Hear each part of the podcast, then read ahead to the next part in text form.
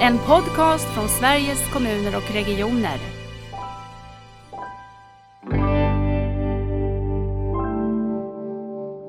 Man vågar liksom inte öppna spjällen och släppa in patienterna för man är rädd att man då sen kommer att jobba ihjäl sig för att man, chefen börjar ställa krav på att man ska också ta hand om allt det andra runt omkring.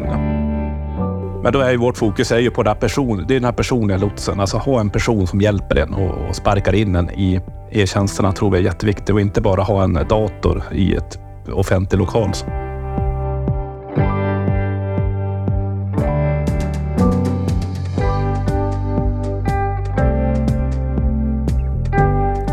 Digitaliseringen är en viktig motor när vi ska förändra våra arbetssätt inom hälso och sjukvården och på det sättet kunna öka tillgängligheten för invånarna. En region som har ett stort engagemang i de här frågorna det är Region Gävleborg. Så välkommen hit Simon Nilsson, du är utvecklingschef i regionen. Tack så mycket. Du, börjar berätta lite grann om dig själv. Vem är du?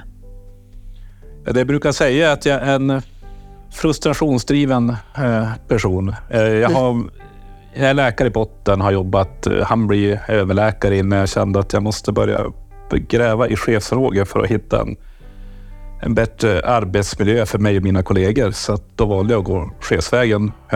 Mm. Och nu är jag kanske inte lika frustrerad längre, för nu får jag jobba med de frågor jag tycker är viktiga. Så det, är väl, det är väl det som har ändrats under de här 20 åren i yrkeslivet.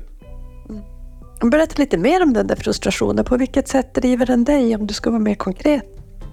Nej, men det vi märkte när jag började som mästerläkare på internmedicin på Gävle sjukhus så hade jag sex kollegor och det vi märkte var att de flesta slutade efter ett par år. De de mästerläkare vi hade de fick i stort sett bo på akutmottagningen och det ger inte någon bra läkarutbildning. Så att, eh, det handlade mycket om att egentligen egenintresse försöka hitta en arbetsmiljö och en schemaläggning som gjorde att fler skulle stanna så att eh, jag själv fick en bra utbildning. gjorde att jag valde att bli läkarchef och började titta på schemaläggning och liksom började lova. Jag fick högsta ledningens godkännande att lova alla nyanställda max 12 jourveckor per år. Mm. Och det gjorde att jag kunde börja rekrytera kollegor och behålla kollegor. Sen märkte jag att de började bli de kvarvarande problemen var väl inte hur mycket man var på akuten utan hur saker funkar på akuten. Och då, Just det märkte jag att jag var nog tvungen att bli chef på akuten istället. Då. Eh, och så gick jag vidare dit. Eh, sen var det otroligt svårt, för akuten är ju ofta en spegel av hur många patienter som hamnar mellan olika stolar eh, mm. i en region. Och då kände jag att det var många frågor där som jag också hade svårt att påverka direkt och sökte då en tjänst som, som utvecklingschef för att kunna driva större övergripande förändringsfrågor. Det var intressant det där. Akuten som en spegling för mellanrummen i, inom hälso och sjukvården, den tycker jag den behöver vi nog ha med oss mer, för det är lätt att man jobbar med, med akutens frågor på akuten och inte på de andra ställena. Eh, så Nej, men. Man märker det, ju mer, ju bättre, ju mer, alla, alla är ju stressade, alla har för mycket att göra och ju, ju mer stressad man blir, ju bättre blir man på att avgränsa vad, vad gör just jag? Mm. Och Det vi märker då är ju att de som inte får den här helhetssynen, de patienterna som studsar mellan olika stolar, de, det är ju tyvärr ofta så att de hamnar på akuten. Och sitter man på akuten och tittar tio år tillbaka historiskt så har vi en osund ökning av antalet akutbesök, vilket jag tror är en indirekt effekt av att vi, vi, tar inte hand om hela patienterna i samma utsträckning som tidigare. Nej, det är helt din uppfattning. Hör du, när man är eh, en frustrerad utvecklingschef, hur kopplar man av? Ja, det vanligaste är väl att försöka heja fram Björklövens, IF Björklöven fram till SHL igen. Men eh, det har också varit ganska frustrerande de sista 20 åren. hur kommer det sig Björklöven? Är det att plugga i Umeå eller vadå? Nej, jag är född och uppvuxen i Umeå. Så att det, eh, det, jag var där 87 när de tog SM-guld och sen längtar man tillbaka till de tiderna. Ja, ja men du vet jag är inbiten eh, Luleå-fans att jag mådde gott i helgen för då spelade de ju mot Skellefteå och vann och det var en fantastisk match. Men jag måste ändå fråga, blir det inte svårare nu när Brynäs eh, spelar i samma division som Björklöven? Det blir mycket roligare för att mina barn har ju alltid tvingats ha på sig olika gröngula attiraljer i skolan och eh, nu äntligen så blir de inte mobbade längre. Så att, ah. nej, det, det, är roligt. Det är roligt. Nej, det är klart det var roligt att mötas i SHL, men ja. Den tiden kommer. Den kommer precis.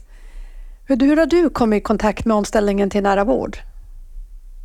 Eh, det var väl inte något fritt valt arbete utan eh, 2017 så klev jag på den här rollen och det var ungefär samtidigt som vi hade en otroligt tuff situation i just Gävleborg. Vi eh, låg ju topp tre i landet i kvoten inhyrd personal. Eh, dålig tillgänglighet hade vi. Och vi, hade, vi har också en mycket brutalare demografisk påverkan än många andra regioner.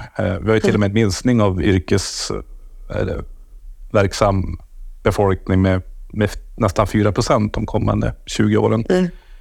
Och samtidigt så var, beslutade våra politiker, vår hälso och sjukvårdsnämnd, att nu ska vi erbjuda en digital väg in till vården. Och då kände vi att om vi redan nu har problem med tillgänglighet och ge patienterna en fri väg in till vården, eller en digital väg in till vården som är mycket lättare, då ser vi ju konkreta risker med undanträngningseffekter och annat. Så att vi var tvungna att ta ett krafttag och se hur, hur bygger vi om hela systemet så att vi kanske både kan räcka till fler men också erbjuda en digital väg in. Mm. Så ni har koncentrerat ganska mycket av ert omställningsarbete just på den digitala omställningen? Vi, vi, gjorde, vi byggde en så kallad portföljmodell. Vi, vi konstaterade att det är eh, sju områden där vi verkligen måste leverera eh, nya arbetssätt, nya kontaktvägar, nya flöden för att klara av den här utmaningen. Eh, det vi också gjorde, som jag tror att vi är tacksamma för idag, det är att vi såg inte nära vård som något sidoprojekt, någon Nej. sidoorganisation, utan vi har hälso och sjukvårdsledningen är vår eh, högsta eskaleringspunkt och i alla styrgrupper så sitter det fyra till sex verksamhetschefer och chefsläkare. Så att det är liksom, de är en del av att bära de beslut kring den omställning vi gör. Då. Mm. Och det tror jag har varit bra för oss. För att få lite fart på omställningen. Mm. Det tror jag också. Det ser vi som en sån nyckel tycker jag när man blickar ut eh, över Sverige så. Eh, att ha det här i ordinarie ledningssystem och inte tro att det är ett projekt på sidan om. Mm. Sen kan man behöva massor med stödresurser som en utvecklingschef och, och, andra stödresurser för att göra en sån här stor förändring av våra arbetssätt, för det görs ju inte av sig själv. Men eh, jag delar helt den bilden. Eh, hur, om jag bara får tänka in dig i en struktur eh, för att placera dig lite. Vad har, du, har du en utvecklingsavdelning som du chefar för och hur är den kopplad till, till regionledningen? Vi har testat båda vägarna. Jag, när jag började så hade jag en, en utvecklingsenhet under mig med verksamhetsutvecklare och patientsäkerhetsorganisation och, och så vidare. Men mm. för en tre, fyra år sedan när det här arbetet blev som mest intensivt så fick jag avlastning och är nu, har nu bara en funktionsroll. Då. Sitter i hälso och sjukvårdsledningen förvisso, men jag har inga direkt eh, rapporterande under mig. Helt enkelt för att det tog för mycket tid. Eh, mm. Har man 20-30 anställda så blir det mycket tid som går till det de behöver. Så att, eh, nu är jag helt fritt hängande i, under hälso och sjukvårdsdirektören. På vilket sätt kan du eh, vara med i, du sa sju programområden, är det fortfarande sju programområden eller var det så när, när ni startade? Ja, vi har ändrat eh, ett. Vi har stängt ett och öppnat ett annat, men det är fortfarande sju programområden. Eh, och det vi har gjort är att varje programområde är det någon i hälso och sjukvårdsledningen som då är sammankallande och eh, ordförande. Så att de två jag har varit inblandade i, eller leder, är ju dels det vi kallar digitala vårdmöten, det vill säga alla former av digital kommunikation mellan patient och, och vården. Då. Och det andra är ju det vi kallar digitala vårdrum eller servicehubbar. Då. Alltså hitta någon slags struktur för att assistera dem i befolkningen som inte själva kan och vill logga in i digitala e-tjänster? Kan vi möta dem i samhället istället med någon slags personliga lotsar för att ytterligare öka trafiken och nyttahemtagningen? Då? Så det är de två mm. jag fokar runt. Jag tänker vi får fördjupa det lite grann, men kan du säga någonting om de andra programområdena så man får en bild av vad är det mer ni jobbar med än just den här digitala transformationen? Ja, för oss har det varit en trapp steg lite grann. Vi tänkte att vi måste börja med digitala vårdmöten. Vi måste hitta en plattform där vi kan kommunicera. Eh, sen som sagt, de här vårdrummen eller liknande är ju för att få ännu fler att kunna nyttja tjänsterna. Och sen sa vi att när vi har det på plats, ja men då borde vi ju kunna se över hur våra primärvårdsenheter, vilket uppdrag de har, vilken tillgänglighet behöver de fysiskt eh, och mm. geografiskt? Mm. För har vi en otroligt stort utbud digitalt, ja då kanske man kan se med andra ögon på vad varje hälsocentral ska innehålla och inte innehålla. Då. Och när vi gjort det så behöver vi börja fundera på det här med närvårdscentra som jag tror många klurar på. Eh, vad har Mm. det för funktion och nyttor och är det något vi ska utveckla eller inte? Och slutligen är det Mm. våra sjukhusområden som är det femte området. Eh, vi Mm. bygger ju som alla andra nya sjukhus nu för miljardbelopp som egentligen är karbonkopior på befintliga sjukhus, vilket man kan Exakt. ifrågasätta om vi nu gör mycket Mm. mer digitalt, om vi verkligen ska ha Mm. de lokalytorna och de arbetssätten som vi alltid haft. Så att det är väl det som det som, och sen kom pandemin mitt i det här också, så att det vi sa egentligen var att vi fortsätter med digitala vårdmöten. Det andra lägger vi på is. Och nu är det väl egentligen bara det och servicehubbarna som vi känner är liksom tydligt för oss. Ehm, vi är Mm. mitt inne i bygget, vilket gör att det är svårt att bromsa fullt ut, men i alla fall försöka begränsa då hur vi tänker när vi bygger. Är, är det i Gävle ni bygger ny- nytt sjukhus? Både Gävle och Hudiksvall, två nya sjukhusområden. Okej. Jag kan bara säga det eh, kort att fastighetscheferna i regionerna har ju gjort ett, eh, ett arbete nu kring fastighetsfrågor och nära vård. Eh, just därför att de är så otroligt eh, kostnadsdrivande och långsamma i sin karaktär. Så man behöver Mm. planera dem tidigt så man inte sitter fast i sitt gamla tänkande. Eh, och det tycker jag är bra. De har tagit eget initiativ och ser att det här måste göras. Sen vet jag inte hur mycket det hjälper er, för ni är ju precis i, igång då. Men det är intressant tycker jag. Att man, det är många olika områden som berörs av en sån här omställning. Vi gjorde också vi gjorde ett ganska påkostat eh, kartläggning eh, när, i samband med att vi beslutade om de här fram, eh, nya sjukhuslokalerna där vi bad en konsultfirma att gissa sig fram till hur ser behoven ut om, på en 30 års sikt? Alltså vilka sjukdomsgrupper ökar och vad skulle man kunna sköta digitalt i större utsträckning? Problemet var att vi vågade inte när vi nu skulle besluta om hur mycket lokaler vi ska bygga så vågar vi inte fullt Ja. ut räkna med den omställningen. Vi hade inte kommit så långt i vårt omställningsarbete att vi visste eh, hu- hur bra det här kommer att bli. Då. Så att, ja. Men vi har ett bra material om någon vill, vill gräva vidare så att säga. Mm, det är ju en tips till de som sitter och, med de här frågorna. Jag vet att det är ju flera regioner som står precis i. Vi har ju ganska gammal eh, struktur på våra sjukhus och för den delen också vårdcentraler på många orter. Men om du skulle berätta om de här två digitala eh, eh, grundplattformarna i ert nära vårdbygge. Eh, berätta om dem. Vad, vad är det för någonting? Men det vi såg när vi fick det här politiska uppdraget 2017, då, så det vi såg som var nödvändigt var ju att vi måste kunna styra patienter med störst vårdbehov till rätt mottagare på något slags automatiserat sätt. Ehm, och det vi också hade som önskemål var ju inte att gå enligt Leon som man gjorde för kanske Nej. 10-15 år sedan, utan försöka sikta direkt på bästa effektiva omhändertagandenivå. Eh, Så att vi, vi kravställde att vi skulle kunna ha en, en triagering som inte bara styr till 1177 eller till primärvård, utan är det så att du har en läckande stomi eh, till exempel, ja men då ska du direkt till en sköterska på en kirurgmottagning som kan hjälpa dig vidare. Att försöka styra förbi det som i många fall blir mellanhänder i vården som inte skapar något värde för patienten, ja, men det är ju en nyckel för att räcka till fler. Då. Mm.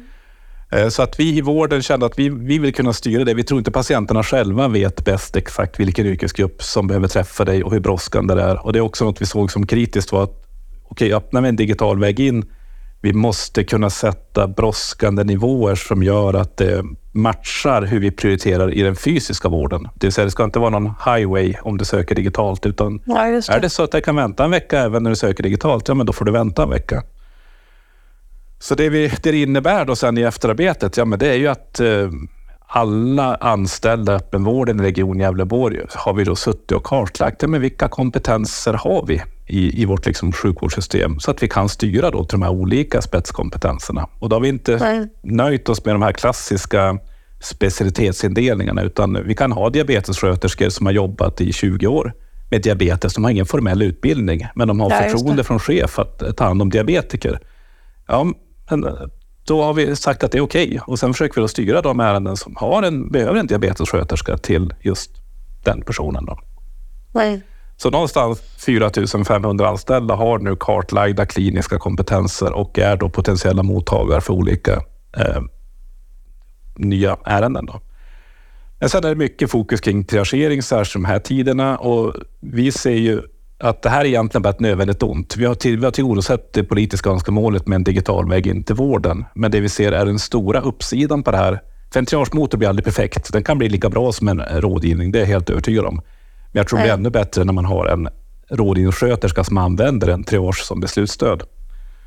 Men den stora effekterna tror vi kommer tack vare att vi nu har så många som har lärt sig att jobba i plattformen. För det är så mycket viktigare att våra kroniker, våra återbesök, våra uppföljningsbesök, att vi istället kan ta det via digitala medier eh, istället för de här traditionella tidsbokade besöken som ofta tar tid och kanske inte alltid är så värdeskapande.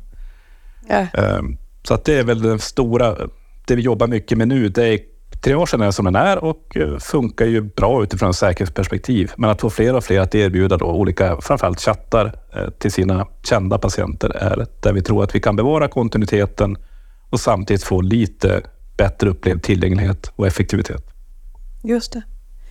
Jag tänker om du, om du pratar med någon granne eller någonting och berättar om det du gör och så säger de, men vad innebär det här för mig? Jag som eh, bor här i Söderhamn eller var jag nu bor.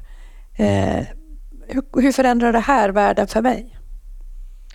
Ja, det där är ju, det är ju den svåra frågan nu, för att vi har ju varit igång i ett och ett halvt år snart och eh, vi har ju varit väldigt vi har inte haft någon utåtriktad marknadsföring ännu i stort sett. Eh, utan det var, vi har försökt pumpa ut information i organisationen. Att har du en patient som du har god kontakt med och känner väl, ja, men erbjud då en öppen eh, asynkron chatt med den patienten så, mm. så kan ni hantera det där fortlöpande. Mm.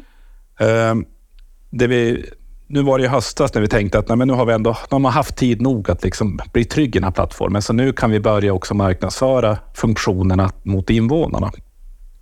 Så egentligen först nu när jag pratar med grannen, som jag, om jag märker att de har ett stort behov av kontinuitet, de har eh, kroniska besvär eller besvärliga, komplicerade eh, frågor, ja, men gå, begär, fråga om du inte kan få en chatt med din läkare eller din sköterska nästa gång, så slipper du hänga i telefonluren och bli frustrerad över dålig tillgänglighet. Ehm, mm. Så att det är väl där vi är nu, precis när vi... Vi tror ju att så länge hälso och sjukvårdsledningen säger att ni, ni borde sköta mer digitalt, men då, då händer inte så mycket. Men börjar vi få patienter som faktiskt eh, efterfrågar det så tror och hoppas vi att fler och fler mm. kommer att erbjuda det också. Mm. För jag tänker mycket att nära vårdomställningen handlar ju om att inte behöva ha så mycket möten med vården. Alltså lever du med en kronisk sjukdom, inte är du intresserad av att leva den tillsammans med vården. Du vill ju göra andra saker och leva, tänka så lite som möjligt på sjukdomen. Och då måste det ju vara så att, att inte behöva de där resorna in till en mottagning eller en vårdcentral är värdeskapande. Det jag tycker är utmanande dock, det är hur vi mäter värde hur vi vet att det vi gör skapar värde. För vi är vana att möta, mäta besöken, inte icke-besöken. Jag har flera kommentarer på det. Vi har ju, Sven Tegmark var ju en reumatolog hos oss som var väldigt mm. driven kring det här. Han, han menar att han träffar sina RA-patienter en gång per år och eh, mm. då är de nästan alltid friska. Han, han vill ju ha ett sätt att fånga upp de här 365 dagar per år. Mm.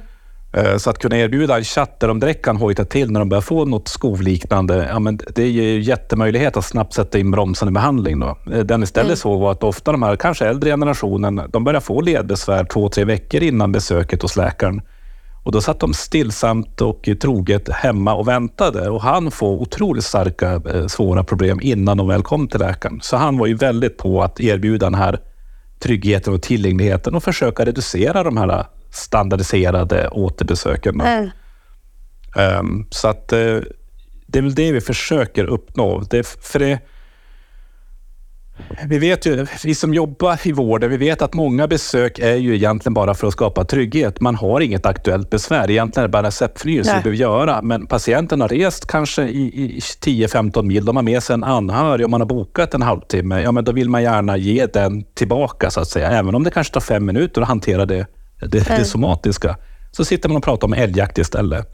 Mm. Vi, vi, tror ju att man får ju mindre, man får ju mer tid över i vården om man kan ta bort de här standardiserade återbesöken och istället erbjuda den här chatten så att när det verkligen är något, ja men då finns man där och kanske om det behövs ett fysiskt besök, då kan man dra in dem på ett eh, subakut återbesök istället för att ha tidsboken uppbokad av eh, årsbesöken. Mm.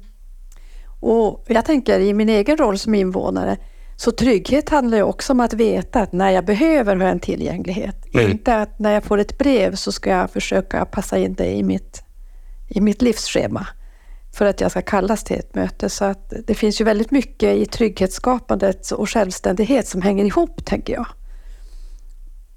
Ja, men vi tror men, att det är många patienter som kanske, man kanske ringer för att man börjar ha en förkylning som börjar bli besvärlig och så får man ett besök ett eller två dagar senare och man kanske har blivit lite bättre då. Men då åker man ändå dit för att för, för vara säker på att det inte är någonting. Och man, när man ändå har fått den här läkartiden så kan man istället då känna tryggheten i att nej, men jag har en lätt kontakt. Om jag nu ska bli sämre igen mot förmodan så tror vi att ja, vi får en mer effektiv vård.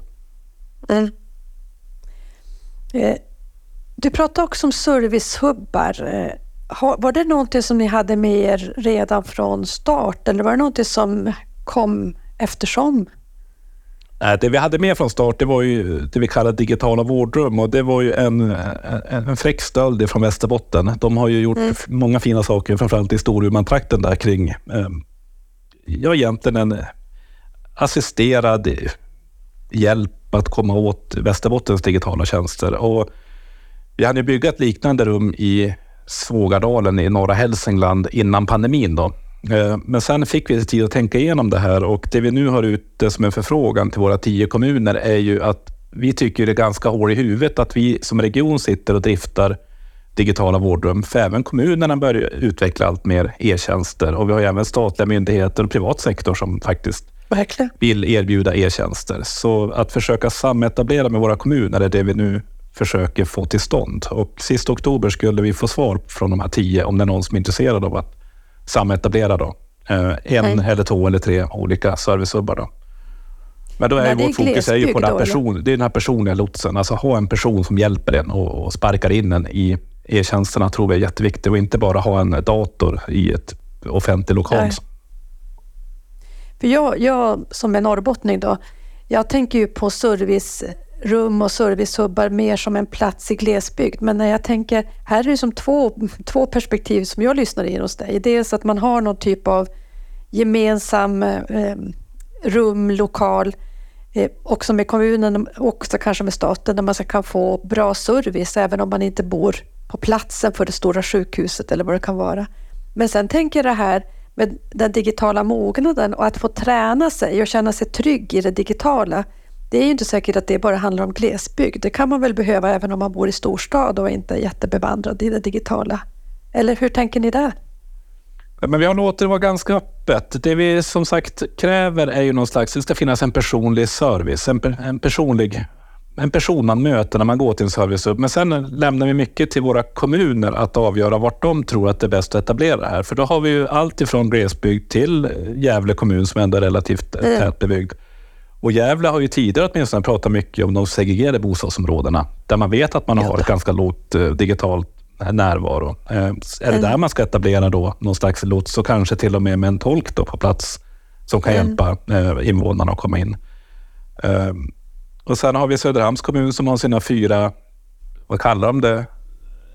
Stadsdelscentra. Alltså de försöker skapa fyra delar i Söderhamns kommun som alla är åtminstone hyfsat självförsörjande kring offentlig service. Ja, men då är det ganska naturligt för dem kanske att titta på att ha en hubb i de här fyra. Eh, så att vi, där, vi petar inte det, utan kommunerna får avgöra vart de tror är bäst att ha sin servicehubb.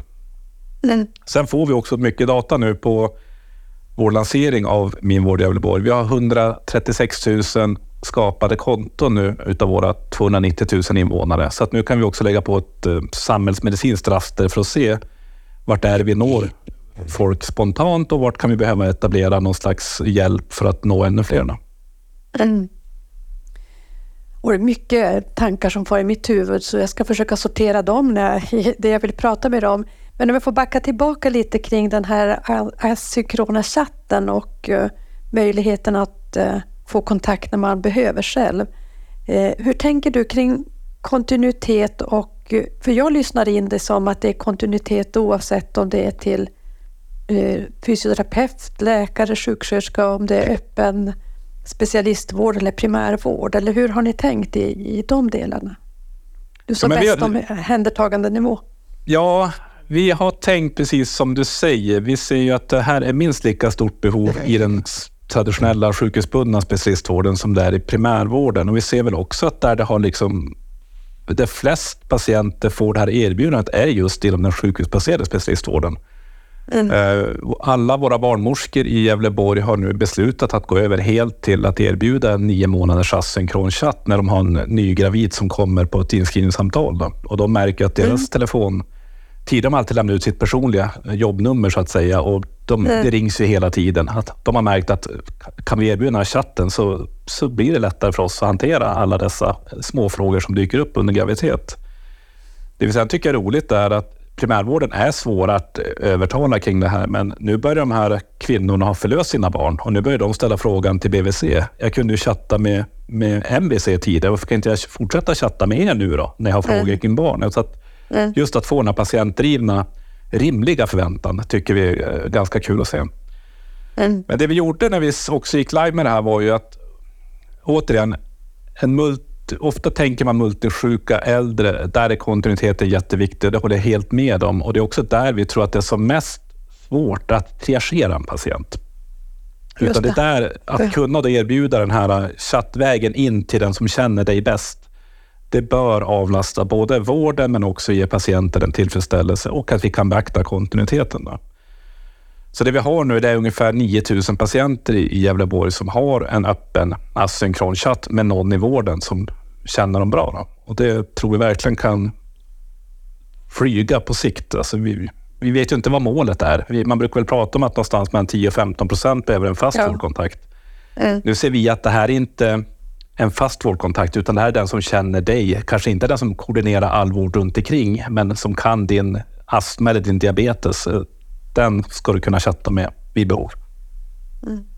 Har ni, jag tänker på, vi har försökt oss på att förstå lite mer eh, tillsammans med de fackliga organisationerna kring den fasta vårdkontakten och varför det är så svårt att få till den där fasta vårdkontakten. För vi ser ju att det är någonting som just de här patienterna behöver i stor utsträckning. Eh, och då kan vi också se att vi har haft ganska svårt att också från ett, om man tänker arbetsgivarperspektiv eller verksamhetsperspektiv beskriva vad rollen är. Vad tycker du att ni lär er kring det här? För nu har ni ändå skapat en, vad ska jag säga, en, en annan väg att få tag i sin fasta vårdkontakt än att ringa eh, via vanliga TeleQ eller vad det kan vara för någonting. Eller öppna ett nummer som till barnmorskorna. Har du några reflektioner på varför det där är så himla svårt?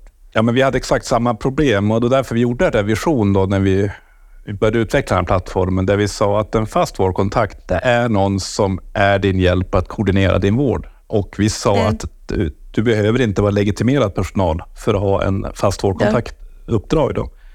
Och sen sa vi att är det så att du är mer organspecifik i din kontakt med patienten, ja, men då kallar vi det för behandlande roll istället. Och så att det gäller frågor kring astman, ja, men då chattar du med din behandlande roll. Eh, är det så att du har behov av att koordinera vården, ja men då är det en fast vårdkontakt du kan begära. Men eh, då är det just koordinera. Det här tyckte mm. vi var ganska suddigt innan. Det var ofta så att det kanske var en onkologsjuksköterska som var fast vårdkontakt. Men hade du problem i stortån så mm. tog man inte det vidare och hjälpte patienten att boka en tid till familjeläkaren eller fysioterapeuten, utan då sa man ja, men ring till din hälsocentral så kan de hjälpa dig vidare. Så mm. det har varit lite kladdigt det här konceptet och vi tror att det är bättre att sära på det till två olika saker. Innebär det att man har också, kan ha ett uppdrag som fast vårdkontakt också i, i Region Gävleborg? Ja, och det vi ser mm. som en lättnad är att vi har inte färre fasta vårdkontakter nu än när vi hade innan vi började introducera med behandlande roller. Vi såg att många ändrade titel från fast vårdkontakt till behandlande roll. Till behandlande roll. Men vi har mm. också fått in nya fasta vårdkontakter som då förhoppningsvis är mer koordinerande och tar liksom helhetsansvar för samordningen. Mm, vad intressant.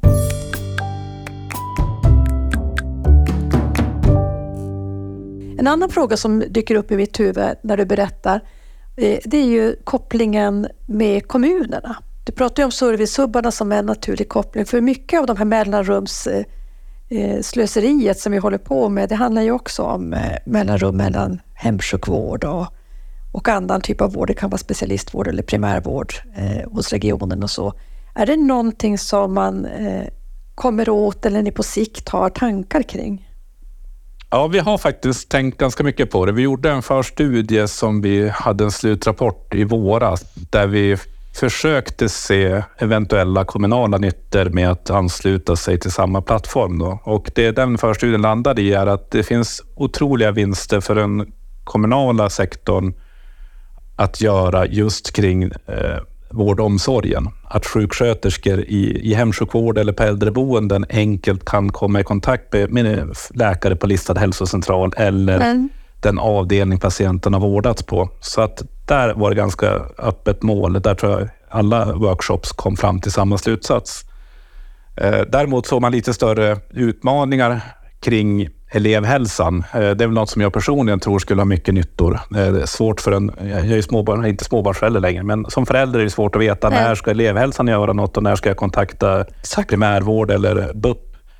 Eh, att kunna få in elevhälsan i samma triagering, att kunna få sköterska på elevhälsan att enkelt chatta med BUP eller BUS eller primärvård när man har en gemensam patient. Det tror jag också skulle kunna leda till mycket nyttor. Så att det vi har landat i nu är att vi vi har haft ut en intresseförfrågan och det är fyra kommuner som vill titta närmare på hur skulle man kunna implementera det här. Eh, och det ser vi fram emot. Vilket av dem? Alltså elevhälsan eller det andra? Nej, vård och omsorg, alltså den kommunala vård och omsorgen. Mm. Elevhälsan mm. har vi sagt att det är i så fall en, en fas två eh, mm. om vi ska göra Spännande. det. Kräver det att, eh, att de har samma journalsystem eller, eller det här bygger på en helt annan plattform så att det går att köra ändå? Ja, det, är, det bygger på... De måste, journalsystemet behöver inte vara detsamma, men framförallt måste vi enkelt kunna digitalt kontakta oss på samma sätt som patienterna kontaktar oss. Eh, så mm. att någon teknisk lösning eh, för att kommunicera eh, blir viktig. Mm. Mm. Spännande, det vill vi följa upp sen hur det går. Har den här nya lagstiftningen om sammanhållen vård och omsorgsdokumentation, kommer den spela någon roll också i det här? Ja, för då borde man ju kunna kommunicera, jo här är det hemtjänst också inblandad? Eller? Ja, vi, vi såg ju inga hinder under förstudien, alltså inga formella legala hinder, så att vi såg nu ändå att det gick att göra. Men det är klart, det blir säkert lättare nu. Det blir mindre krångligt. Mm. Mm. Så att, ja, hoppas det. Det här är ju ett väldigt nytt grepp att, att arbeta på, det måste man ändå säga. Det utmanar ju på många olika sätt. Vad tycker du har varit den största utmaningen i det här arbetet? Ja, den lever ju fortfarande i. Alltså, vi har gjort vad vi säger en lyckad teknisk implementering. Vi har inte sett några allvarliga patientincidenter av den här triagen. Vi har inte haft några driftstopp av liksom oplanerad karaktär, så att det har gått bra. Men det som är det absolut svåraste är ju att jag tror att många i vården har blivit väldigt drillade i att just det här att producera många besök eh, mm. och att börja tänka om. men hur, hur kan jag i det här patienten... Tillbaka till varför man sökte ett vårdyrke en gång i tiden. Att, varje, att kunna mm. känna att man har tid att hjälpa varje patient så att ärendet är klart, eller det är ett tydligt nästa steg. Eh, vi upplever nu att vi har lättare med det här verktyget. Vi kan skicka iväg en digital konsultation till en kirurgläkare på en gång om vi sitter i kläm i primärvården. Ja, fantastiskt. Men det handlar ju om att våga, att känna att man har chefens förtroende. Då. Att jag kanske inte producerar 16 besök per dag längre. Jag kanske bara gör 6 besök per dag, men jag kanske gör klart. Jag kanske förebygger 10, 20 eller 30 återbesök eller remisser tack vare att jag får ta mer tid på mig och göra den här flerpartssamverkan i varje möte. Eh, det här är, det är en tillitsfråga där vi inte riktigt har landat än. Vi, man vågar liksom inte öppna spjällen och släppa in patienterna för man är rädd att man då sen kommer att jobba ihjäl sig för att man, chefen börjar ställa krav på att man ska också ta hand om allt det andra runt omkring. Då. Så att den här mm. obalansen vi... Men där brukar vi väl ändå säga att det, det tar 68 år att liksom sätta ett nytt arbetssätt och vi har precis börjat den resan. Hur gör ni? Har ni något sätt att arbeta med medarbetarna och, och på något sätt möta den oro som uppstår? Det, det vi har gjort så här långt det är ju egentligen... Eh, det vi har sagt är att jo, men du måste kunna ta emot ett ärende från tre år sedan om det kommer till din profession. Det har liksom varit ett krav. Men annars har vi låtit det här med att erbjuda en asynkron chatt. Det är ju alltid vården själva som måste aktivera chatten. Patienten kan inte i digitalt begära liksom börja chatta helt plötsligt, utan det är vården som ja. reglerar det här helt och hållet. Men där har vi varit väldigt eh, ska vi säga, återhållsamma i att ställa krav, utan vi har låtit de som känner att de vill testa på någon patientgrupp eller på någon patient, ja, men gör det då. Och sen försöka då sprida goda exempel. Att, eh, till exempel mm. barnmorskorna eller om det är mm. våra sköterskor på kardiologmottagningen med, med pacemaker-verksamhet, de har ju också i stort sett helt ställt om till att erbjuda chattar. Ja, men bättre då att de själva berättar för sina kollegor på kardiologen hur de jobbar med asynkrona chattar, hur det påverkar deras arbetsmiljö. Så tänker vi att det kanske är fler som är nyfikna. Mm. Men någonstans känner vi ändå att de, ja, men inom inte allt för avlägsen framtid, när vi nu börjar informera patienter om de här, den här möjligheten också, vi kanske ska göra det ännu tydligare att om en patient begär att få ha en chatt, ja, men då kanske vi också ska göra det om det inte finns uppenbart olämpligt av medicinska skäl eller annat. Jag tycker det är ganska intressant när man följer hur man gjorde sådana här omställningar i Alaska. Du har säkert följt Alaska. Det har de flesta som håller på med nära vård. Men de tog ju också fram, vad ska man säga, något nyckelfundament eller nyckelvärderingar. Så när de dels rekryterar nya medarbetare så var de väldigt tydliga med att på det här sättet arbetar vi här och, och det ska man på något sätt vilja, vilja göra för då blir det ju bästa arbetsmiljö för en också så att man inte hela tiden är, känner att man gör någonting som man egentligen inte tror på.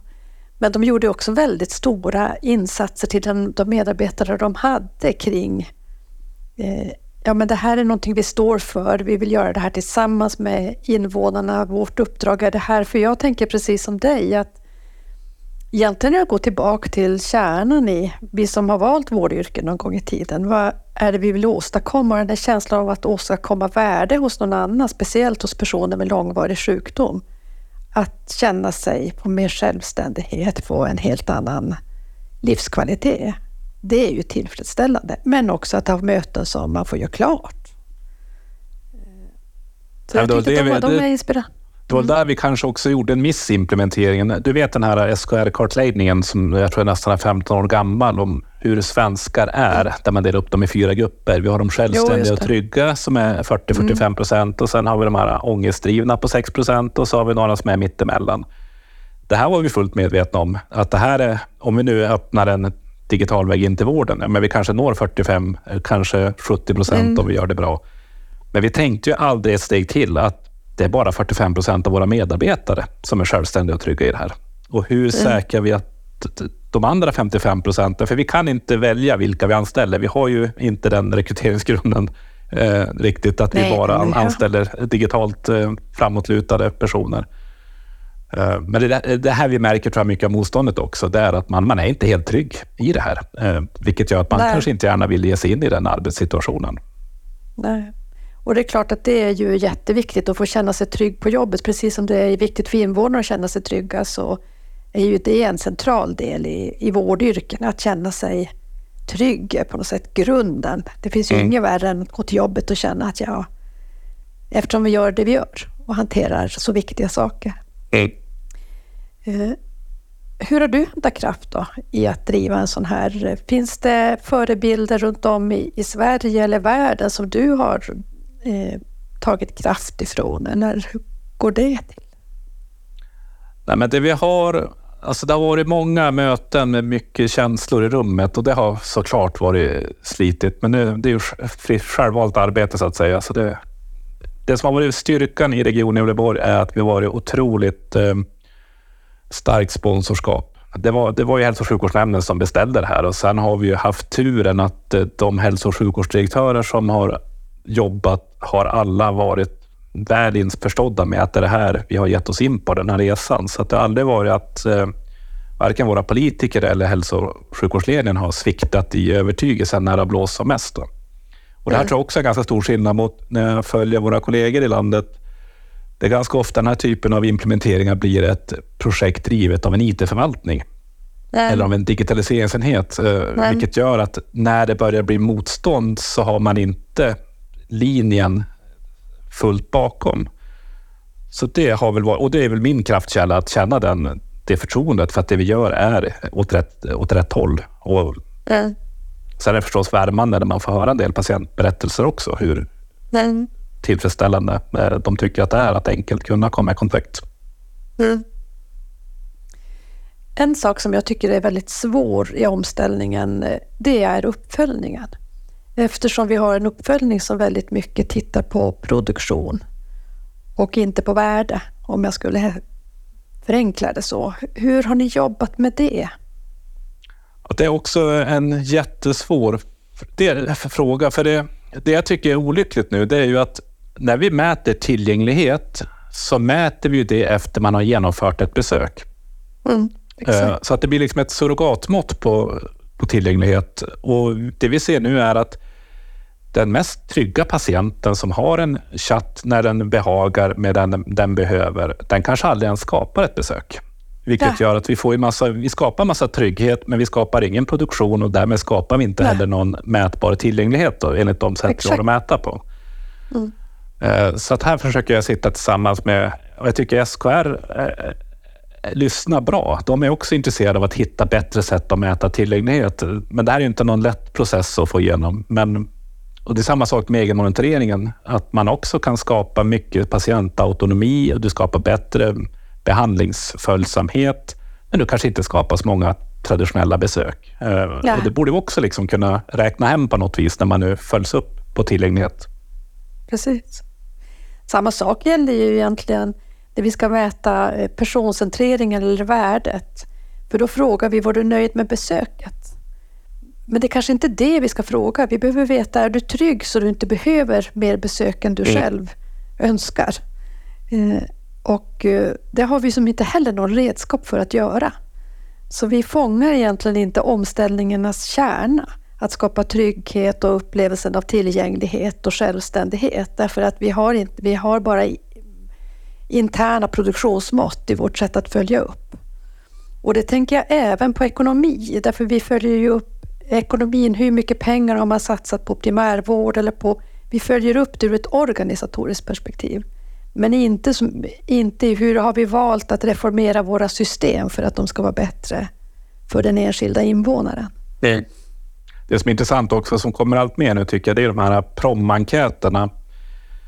Eh, att mäta hur mm. patienten upplever ett, en insats eller ett vårdförlopp det borde också kunna, skulle vara duktigare som regioner på att använda det systematiskt. tror jag också att vi fångar de här äh, dolda kvalitetsaspekterna. Alltså hur, mm. hur trygg har du varit? Hur, upp, hur har du upplevt att feedbacken från vården har varit under den här operationsflödet eller någonting? Då?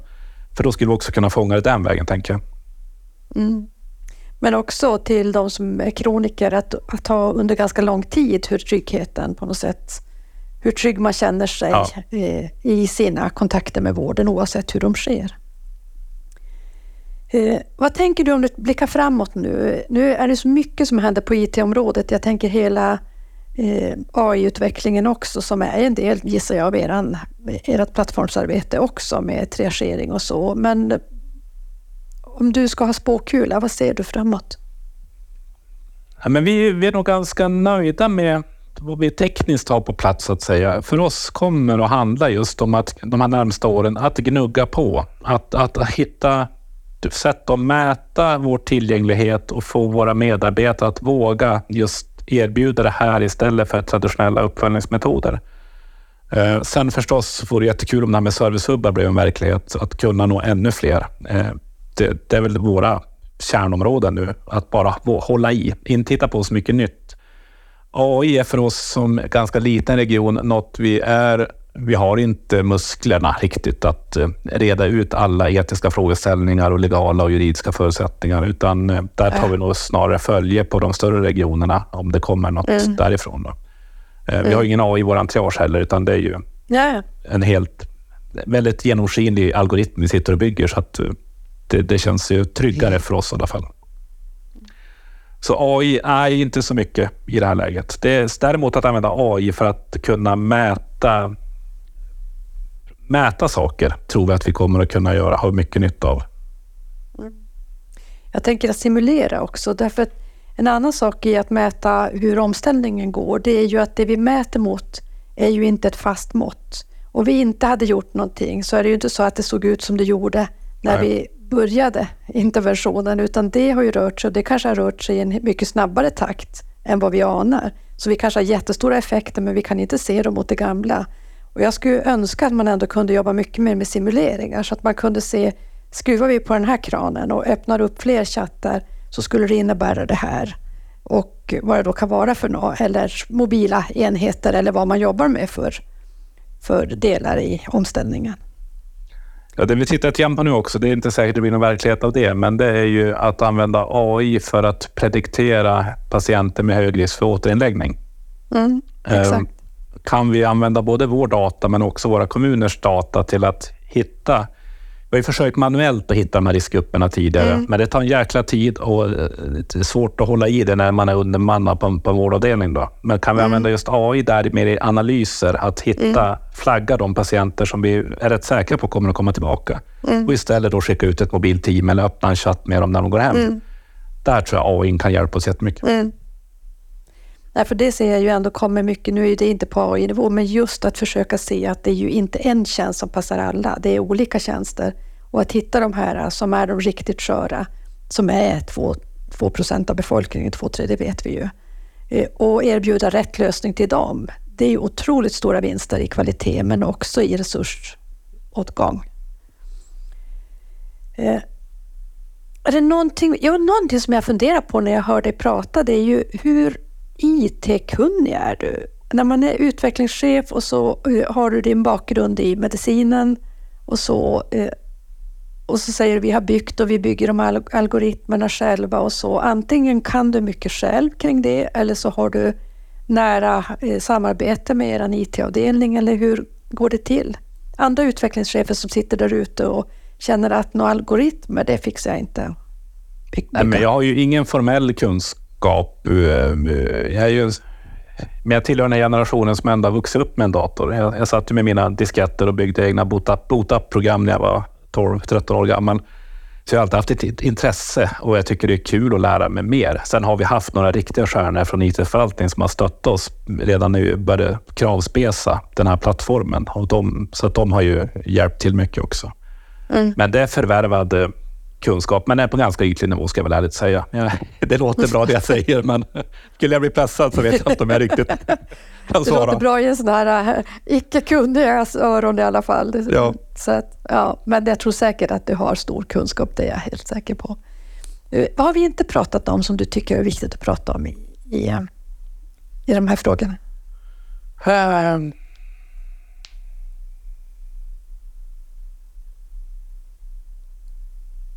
Tycker vi nog har täckt det mesta. Mm. Har du många andra regioner som hör av sig som är nyfikna och på gång? Ja, men det har det nog varit.